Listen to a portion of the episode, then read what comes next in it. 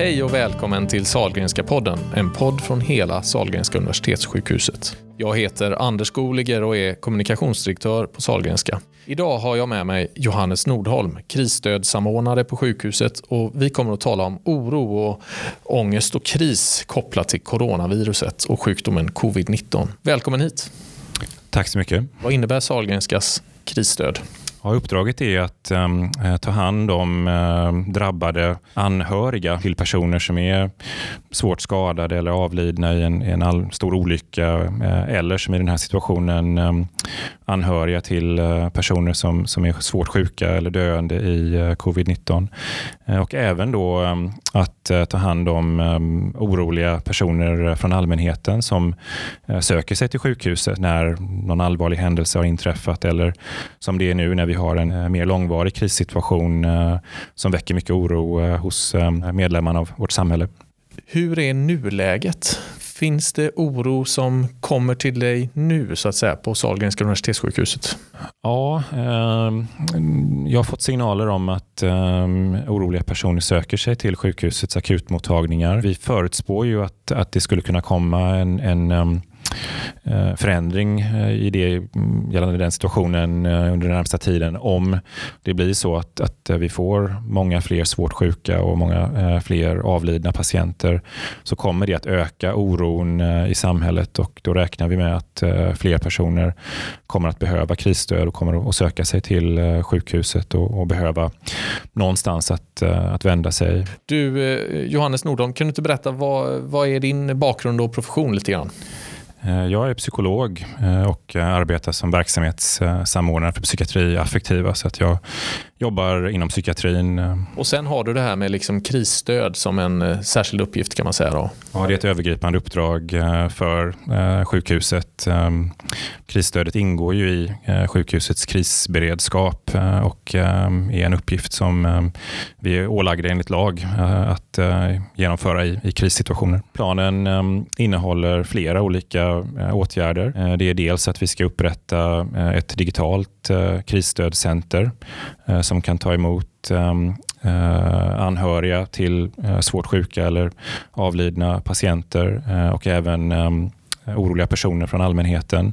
Men vad, vad är det? Ett digitalt krisstödscenter? Man ser framför sig något tält eller något Röda Korset-tält där man kan få en filt och en värmande hand kanske. Men ja, det här blir ju inte så då.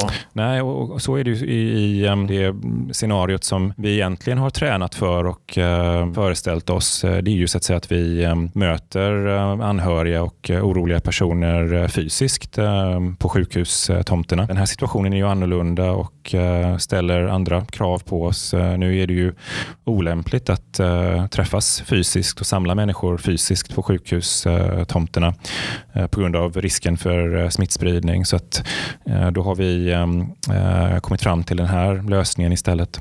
Och vad, vad går den ut på då? En digital, ett digitalt krisstöd? Ja, det är som en um, mottagning online. personer um, laddar ner en app, går in på mottagningen och kan då boka in sig på tider för att få krisstödssamtal med eh, krisstödjare som eh, ingår i sjukhusets eh, krisstöd. Hur går det till? Vad, är det, vad säger man till varandra? Eh, jag tror att den första frågan där eh, är ju eh, vad behöver du hjälp med just nu?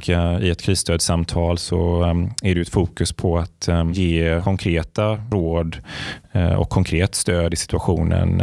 Vi vet till exempel att det mest verksamma medlet som vi har i kris är ju socialt stöd. Ett krisstödssamtal skulle kunna handla om att Eh, hjälpa en person att eh, tänka kring vilka sociala kontakter eh, personen har och, och, hjälpa personen att komma i kontakt med dem för att få ett socialt stöd från de som är nära är det allra viktigaste och, och, och, mest effektiva i, i, i, kris. Vilka är det som är välkomna så att, säga, att boka en tid?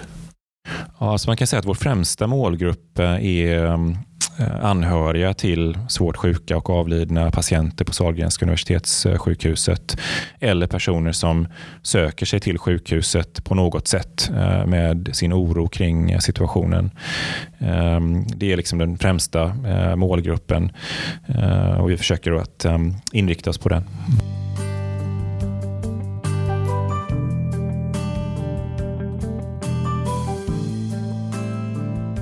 Man ser det samlade samhället som en, som en mekanism liksom, så verkar ju ganska mycket handla om att det blir en jakt på fakta. Alltså vad, exakt hur smittar det? Exakt hur nära kan man stå på bussen och så vidare. Är det, en naturlig, är det någon sorts krisreaktion att man, behö, man vill veta, man vill få ett kunskapsövertag eller jag vet inte, skapa sig kontroll på något sätt eh, över den här smittan genom att veta allt om den? Eller, ja, har du någon kommentar till det? När människan befinner sig i um, osäkerhet och um, upplever sig hotad eh, så söker hon någon form av säkerhet eller visshet. Eh, det finns då så att säga liksom ett starkt sug efter att få tydliga besked. Eh, exakt så här är det, exakt så här ska du göra. Gör du på det här sättet så kommer du klara dig. Problemet är att den typen av visshet och säkerhet finns inte eh, idag. Eh, vi har inte den typen av, av tvärsäker information som vi önskar att vi skulle ha. Och um, Någonting så att säga, kring krishantering handlar också om att, att um, benämna den ovissheten uh, och um, adressera den i ett samtal. Det vill säga att uh, tala om att det är mycket som vi inte vet kring hur vi ska göra eller vad som är rätt sätt att göra och, och hur det kommer att bli och om vi själva kommer drabbas eller inte. Det är liksom en, en del av situationens villkor som, som vi behöver Ehm, hantera. Vi, vi, kan inte så att säga mm, söka oss till en, en falsk säkerhet. Eh, det kommer så att säga att eh, leda till att vi eh, på sikt hamnar i en värre kris. Eh, det finns risk för det i alla fall. Ja. En grupp i samhället som ju har också anledning att vara väldigt orolig. Det är klart att det är ju de här personerna som vårdens hjältar som går in på eh, infektionsmottagningar, vårdavdelningar. Eh, vi ser väl alla de här bilderna från, ja, mycket Italien är det ju man förknippar med detta, eller Kina för den delen, på hur, hur det har sett ut i, i de delar av världen där vården blivit som värst drabbad. Det, det är klart att det är väldigt lätt att förstå att det finns en stor oro hos medarbetare och sjukvården har ju ett jätteansvar att skydda sina medarbetare. Hur tänker du kring det och medarbetares oro och vårdens egen oro så att säga? I um, den plan för krisstöd och personalstöd som eh, den gemensamma särskilda sjukvårdsledningen um, har beslutat om att uh, genomföra uh, så ingår då även det som, som vi kallar för personalstöd uh, och det är um, Eh, Eh, psykologiska insatser för eh, personal som arbetar under väldigt prövande och utsatta förhållanden. Och jag tror att vi kommer att ha ett stort behov av det eh, under de här omständigheterna eftersom många medarbetare kommer att behöva arbeta eh, samtidigt som de själva känner en oro eh, över att själva bli smittade eh, och vad det kan få för eh, konsekvenser för dem själva och för eh, sina närstående. Eh, och även då att vi kommer säkerligen att tyvärr ha situationer där medarbetare arbetar med väldigt hög arbetsbelastning. Det kommer att vara tufft inne kom, i de här miljöerna. Det kommer att vara tufft för det kommer ju vara det är redan det, oerhört svårt sjuka ja. personer och det är redan det. Eh, och det kommer ju vara um, som vi tror, allt talar ju för det, många som också avlider. Och där kan man väl säga liksom att det är ju väldigt tungt och, och påfrestande och, och vi behöver um, göra allt vi kan för att stödja varandra i um, att fortsätta arbeta och göra, göra vårt bästa under de omständigheterna. Och försöka se till Alltså vikten av att vi gör det vi kan och gör det så bra som möjligt även om vi inte inte kommer att räcka till för eh, det behov som finns. Alltså även om vi inte kan rädda alla patienter, vårda alla patienter som vi vill så är det ändå viktigt att vi gör det vi kan. Eh, det tror jag liksom är centralt att, eh, att vi värdesätter det och, och, och inte så att säga liksom ger upp i situationen utan fortsätter att göra vad vi kan även när, när det kan kännas som att det inte räcker till. Och Det är ju många på Sahlgrenska universitetssjukhuset och i vården som gör enorma insatser nu. Det, det sker ju hjältedåd här ute nu varenda dag. Eh, och det finns ju också något hoppfullt i det. Det tycker jag verkligen. Eh, och um, uh, Någonting positivt som, som kan komma ur den här uh, krisen är ju att um, uh, vi upptäcker vilken kapacitet som, som vi har att hjälpa varandra, att um, ställa upp för varandra, att tillsammans så att säga arbeta med Eh, krisen Och Jag tror liksom att, att den typen av gemenskap som, som är, kan bli möjlig genom detta eh, kan stärka både sjukvården och eh, samhället eh, om vi tar oss an det på det sättet. Har du några råd nu? Nu har vi ju många medarbetare säkert som lyssnar på podden. Vad är dina råd till alla som arbetar på Sahlgrenska universitetssjukhuset? Och vi vet inte riktigt vad som väntar men vi är beredda för det värsta kan man säga. Jag tror att det är oerhört viktigt att um, um, behålla uh, sociala kontakter med um, uh, de som uh, är nära dig.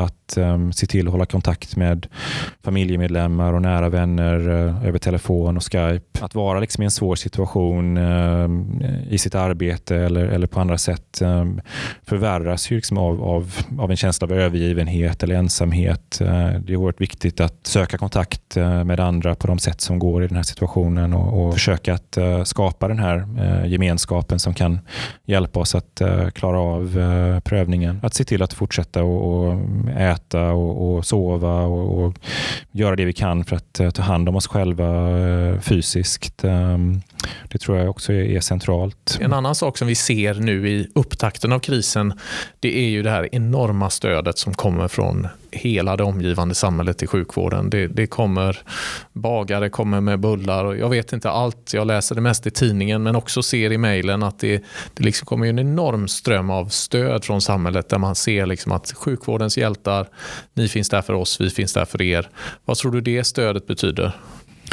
Ja, jag tror att det betyder enormt eh, mycket och det är ju eh, den typen av eh, engagemang som, som eh, gör det möjligt för oss i sjukvården att ehm, göra de insatser vi gör. Ehm, då känner vi att, eh, att samhället står bakom oss och, och är med oss eh, i den här kampen.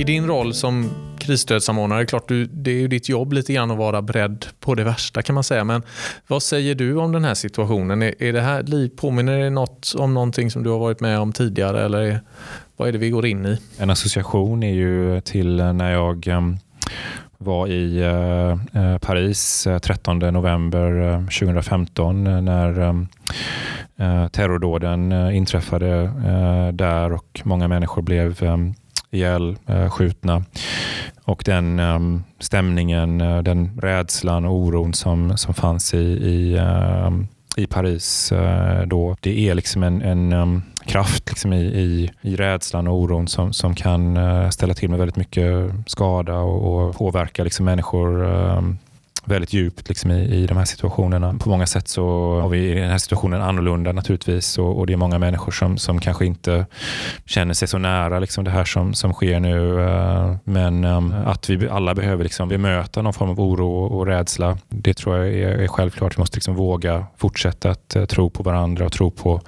framtiden, även om, om det liksom vi är oroliga och rädda och att det känns mörkt. Du berörde ju lite grann det här att det, det, nu talar vi om krisen och smittan och det är det som är sjukvårdens uppgift givetvis.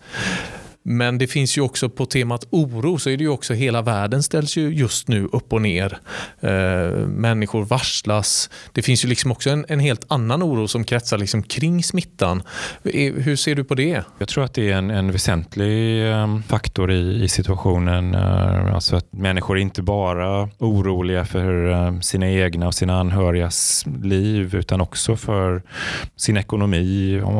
Kommer vi att kunna ha kvar vårt hus eller, eller vår sommarstuga? Kommer vi att ha ett arbete? Liksom, vad, vad kommer hända med de tillgångar som vi har om, om den ekonomiska situationen eh, fortsätter att eh, förvärras? Eh, det bidrar naturligtvis till att eh, eh, oro och ångest och, och, och rädsla ökar.